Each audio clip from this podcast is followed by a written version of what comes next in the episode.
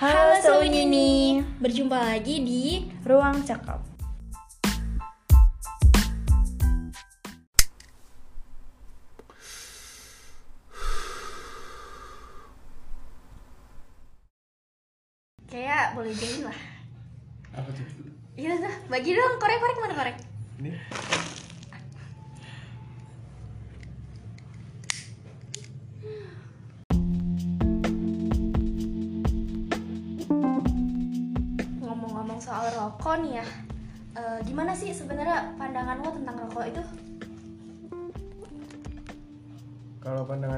Tentang rokok ya untuk menghilangkan kejenuhan sih biasanya banyak tugas Hmm. ngerjain sesuatu sambil merokok kan enak lebih ya untuk seperti itu sih Jadi bisa dibilang kayak pereda stres gitu ya ya bisa dibilang seperti itu Kalau lo sendiri gimana? Oh iya, di sini jadi kita bareng sama siapa?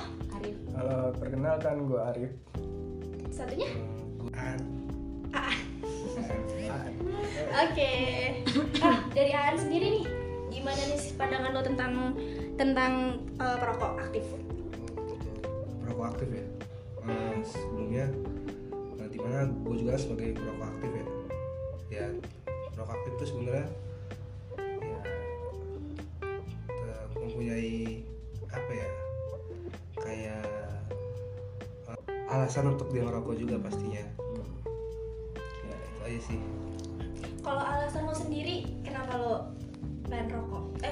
ngerokok? Lo memilih sebagai untuk menjadi perokok aktif? Eh, sebelumnya eh, merokok itu kan eh, yaitu pertama itu punya alasan kan alasan kenapa merokok yang pertama eh, merokok tuh menurut gua pribadi eh, jadi sebagai apa ya alat untuk pelampiasan sih Eh, ketika mencari pelampiasan untuk hal-hal yang negatif pastinya ya kayak pasti kan eh, kebanyakan dari anak-anak muda itu eh, mencari sesuatu yang ketika dia eh, dalam eh, ketidakstabilan emosi dan lain-lainnya pastikan anak muda tuh mencari namanya pelampiasan.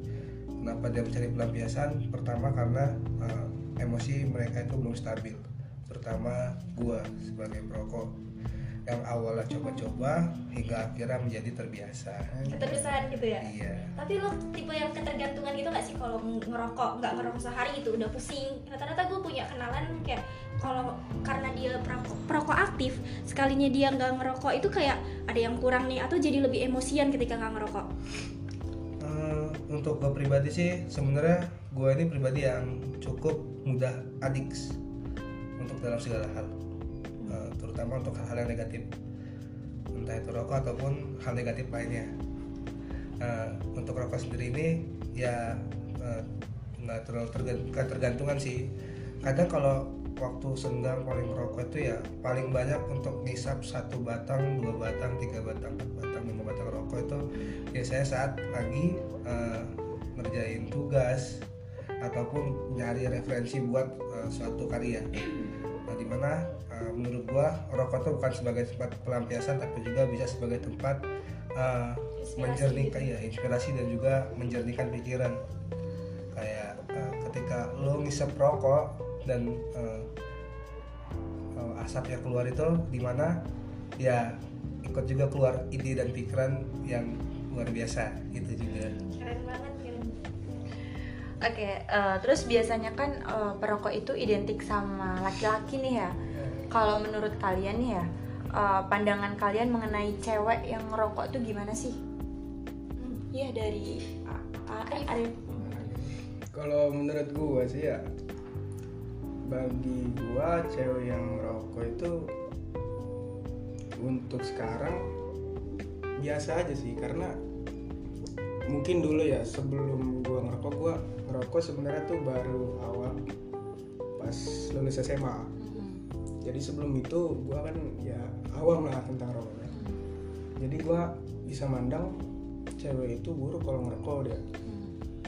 Tapi saat gue ngerokok ya gue kan tahu nih kenapa gue bisa ngerokok. Kenapa gue ngerokok ketika gue belajar ketika gue kerjain tugas segala macam. Nggak menutup kemungkinan kalau cewek pun bisa aja ngerokok gitu. Kan Ah, kenapa pandangan orang-orang terhadap cewek yang ngerokok itu negatif? Mungkin karena dari banyaknya populasi orang yang merokok mungkin ya. Hmm. kan yang merokok itu kebanyakan ya orang-orang yang eh, banyak nanggung beban.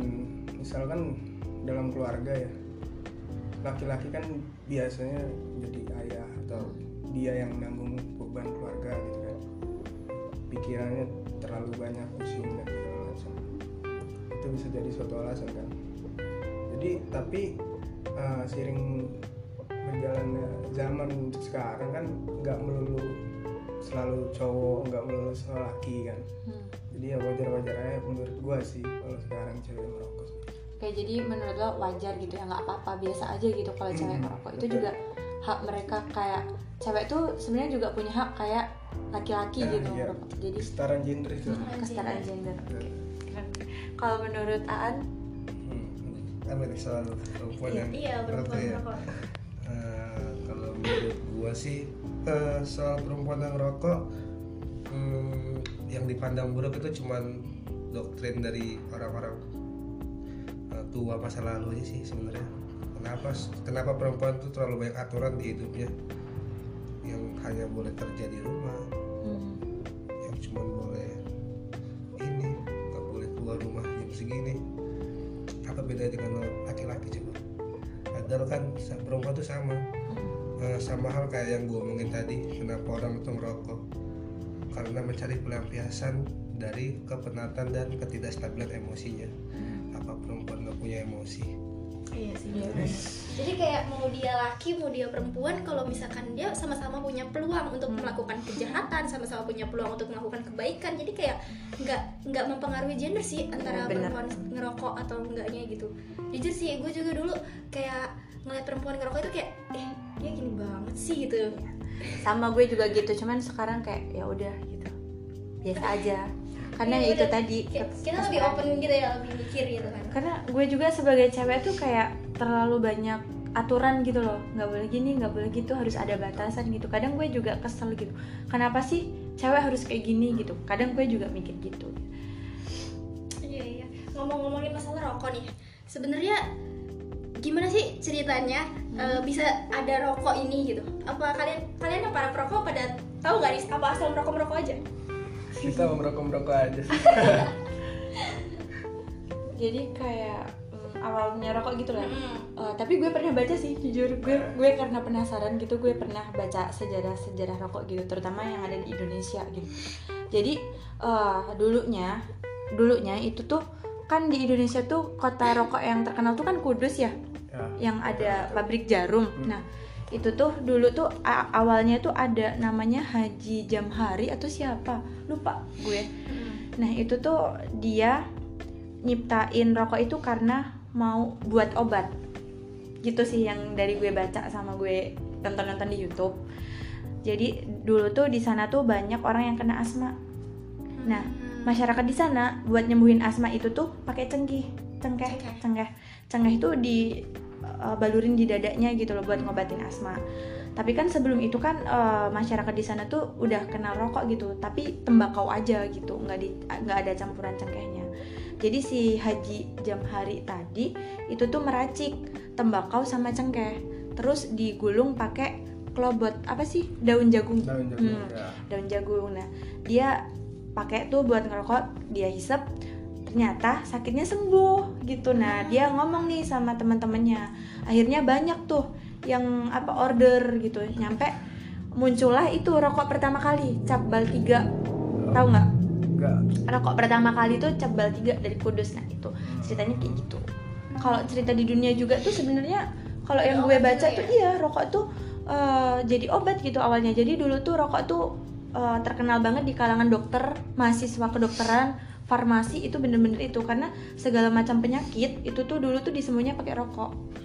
Jadi sampai sampai tembakau itu kan rokok ini ya identiknya sama tembakau. Hmm. tembakau itu disebut daun suci obat dari Tuhan. Ya obat dari segala penyakit Mm-mm. gitu ya. Tapi seiring berjalannya waktu ternyata ada nih ilmuwan-ilmuwan yang ngomong kalau bukan jadi bukannya jadi obat malah rokok itu sebenarnya membahayakan gitu. Makanya kenapa sekarang banyak banget gitu kan Berarti ngerokok itu nggak baik katanya kayak gitu. perjalanannya tuh menarik banget ya sama rokok menarik dari obat yang bisa menyembuhkan segala penyakit dan bisa dianggap sebagai momok mengerikan yang bisa membunuh banyak orang juga. iya gitu Soalnya gue pernah baca ya di suatu artikel ya katanya hampir setengah dari Hmm. pengguna rokok itu dibilang meninggal karena rokok dan kalau yang perokok pasifnya 900 ribu jiwa yang meninggal karena rokok. Jadi sebenarnya gue sempat pikir ini dua-duanya pada meninggal juga bagaimana sih? ya kan? Ujung-ujungnya juga sama-sama meninggal gitu mau merokok ataupun enggak ya meninggal gitu. Uh, gue juga sempet uh, tahu-tahu sih uh, masalah rokok itu kalau yang berdasarkan dunia juga nggak jauh beda sama lo. Kalau rokok itu uh, buat kesehatan pokoknya dia untuk obat. Jadi ada ya uh, yang namanya rokok uh, tembakau ya. Hmm. tembakau itu dipakai kalau dulu itu untuk nyirup tembakau itu bisa me- ya buat apa sih buat obat-obat segala macem. Terus juga tembakau juga biasa digunain untuk penyakit-penyakit kulit kayak yang bernanah semacam gitu. Terus eh, sampai akhirnya ada yang menciptakan alat pembuat rokok. Kemudian mulailah itu di tembakau itu dibuat dengan alat itu. Hmm. sampai akhirnya dapatlah istilah rokok kemudian produksi rokok meningkat setelah ada yang mengembangkan alat itu gitu sih Hmm. Oh iya, terus gini, kalau dari pendapat kalian semua nih, gue mau nanya, sebenarnya merokok itu salah nggak sih? Siapa dulu nih? Apa mau home Bipa dulu kita? mungkin bisa dijawab bareng-bareng gitu menurut kalian ngerokok itu salah atau enggak satu dua tiga salah salah Kan Kenapa? kalian perokok aktif. Kenapa kalian jawab salah? kenapa tuh salah kalau ngerokoknya nggak benar oke Hmm. kalau Oke. Kalau gue sih tergantung kondisi sih. Kalau lagi ada duit nggak salah sebenarnya. Kalau lagi nggak ada yang salah. bener. Karena rokok berarti banyak habisin duit gitu ya? Lumayan. Gue gue pernah dengar istilah sih, eh, apa namanya? duit kok dibakar-bakar gitu tapi kayak mereka nggak merasakan sensasi itu Hmm. Tapi gue nggak membenarkan juga orang-orang yang merokok iya bener Emang iya tadi kan sempat bahas nih eh, masalah kalau ngerokoknya nggak benar ya apa gimana sih? Nah rokok yang benar itu sebenarnya harusnya bagaimana sebagai perokok aktif? Sebenarnya adab merokok itu gimana sih? Eh, kalau menurut gua iya merokok yang benar tuh ya pertama tahu tempat sama tahu waktu tahu tempat tuh kalau lagi kondisi bawa motor ataupun lagi bawa kendaraan eh, ya yang ngerokok terus ketika eh, di sebelah orang hamil ataupun lagi ada orang yang sakit atau kenapa ya jangan merokok kan ada tempatnya ada waktunya bener-bener sama satu lagi sih eh, kalau menurut gue perokok yang baik itu jangan membuang putung rokok sembarangan. Iya bener banget itu. Gue sering banget ke kamar mandi banyak banget puntung rokok, apalagi WC umum gitu. Ih, Nyebelin banget. Kalau dari lo sendiri mungkin ada yang mau ditambahin gitu yang udah dijelasin Aan tadi. Kalau dari gua ya turutin aturan yang udah ada sih ya di tempat-tempat yang nggak boleh ngerokok ya jangan. Oh iya banyak banget nih gue Iya. sering nemuin. Di tempat ruang-ruangan ber AC itu kan bisa nyusahin orang juga kan AC itu bisa rusak karena rokok juga kan. Ya setuju sama An tadi. Oke, berarti sebenarnya eh, ngerokok itu nggak apa-apa asalkan ngerokoknya secara santun, baik dan benar gitu. Betul. Contohnya tadi, jangan merokok saat berkendara, jangan merokok di dekat anak kecil, di dekat ibu hamil dan jangan buang puntung sembarangan dan juga Tahu ketika kalian memilih untuk merokok nih, ya kalian harus tahu gitu finansial kalian gimana gitu karena jangan merokok ketika kalian belum berpenghasilan. Iya benar. Iya kan, cuma tinggal ngadah gitu ke orang tua tiba-tiba. ya intinya kalau misalkan nggak itu tahu lah tahu takaran gitu. Iya tahu takaran. Oke, kalau ngomongin masalah rokok nih, gue tuh heran ya sama orang-orang yang jualan rokok. Kok mereka tuh jualan rokok, tapi mereka tuh ngasih tahu loh kalau merokok merokok ini berbahaya segala macem. Eh, masalahnya gue mau nanya nih, kerugian rokok dari kalian yang kalian ketahui itu apa?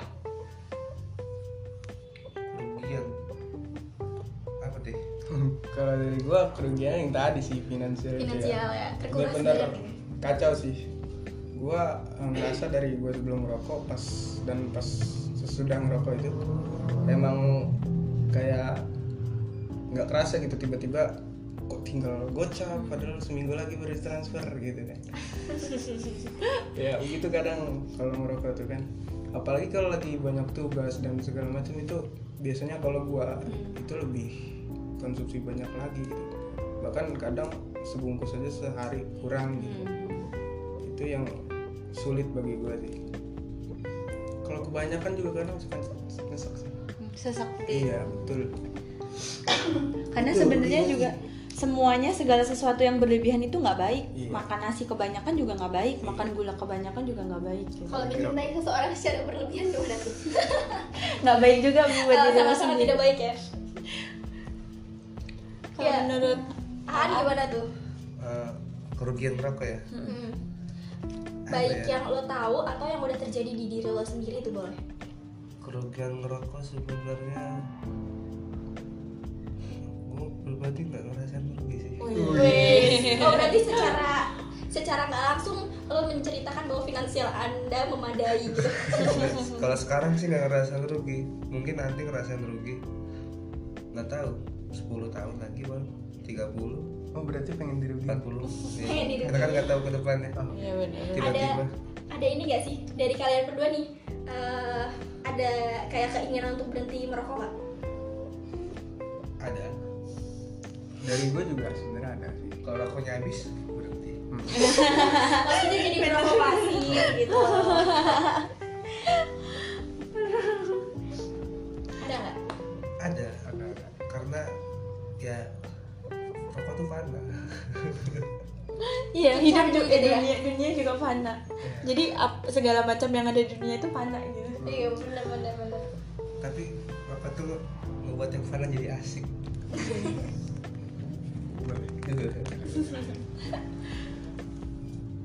Oke, kalau misalkan ngomongin kerugian rokok banyak sih kerugian yang gue tahu.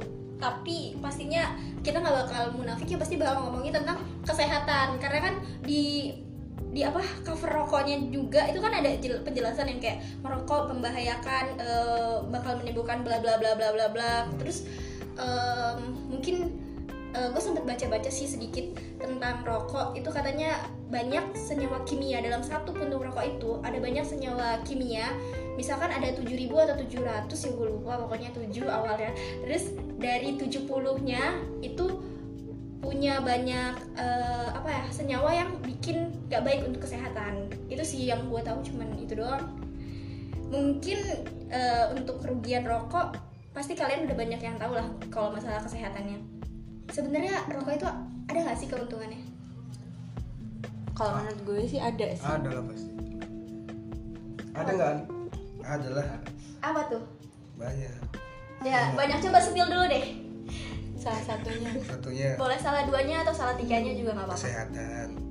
Sehatnya dari mana tuh? Sehat. Ngebantu Mental. orang lain sehat. Kok bisa? Gimana tuh Iya. analoginya? Kita beli rokok terus orang yang punya pabrik rokok membuat ngebantu orang lain dan buat sehat itu kan berarti ngebuat kesehatan benar Iya, benar benar, benar benar. benar, benar. Oke.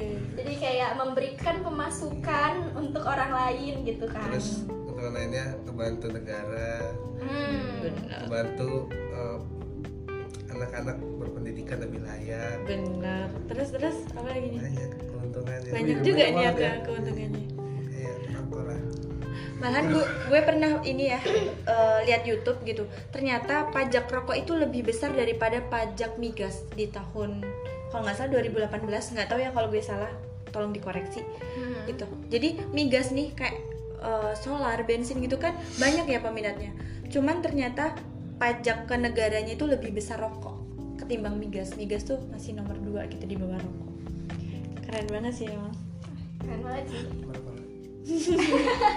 Berarti merokok itu membantu? Membantu eh, rakyat-rakyat para petani tembakau. Ya karena gue pernah dengar juga dalam sat- apa satu batang rokok itu bergantung nasib para petani tembakau.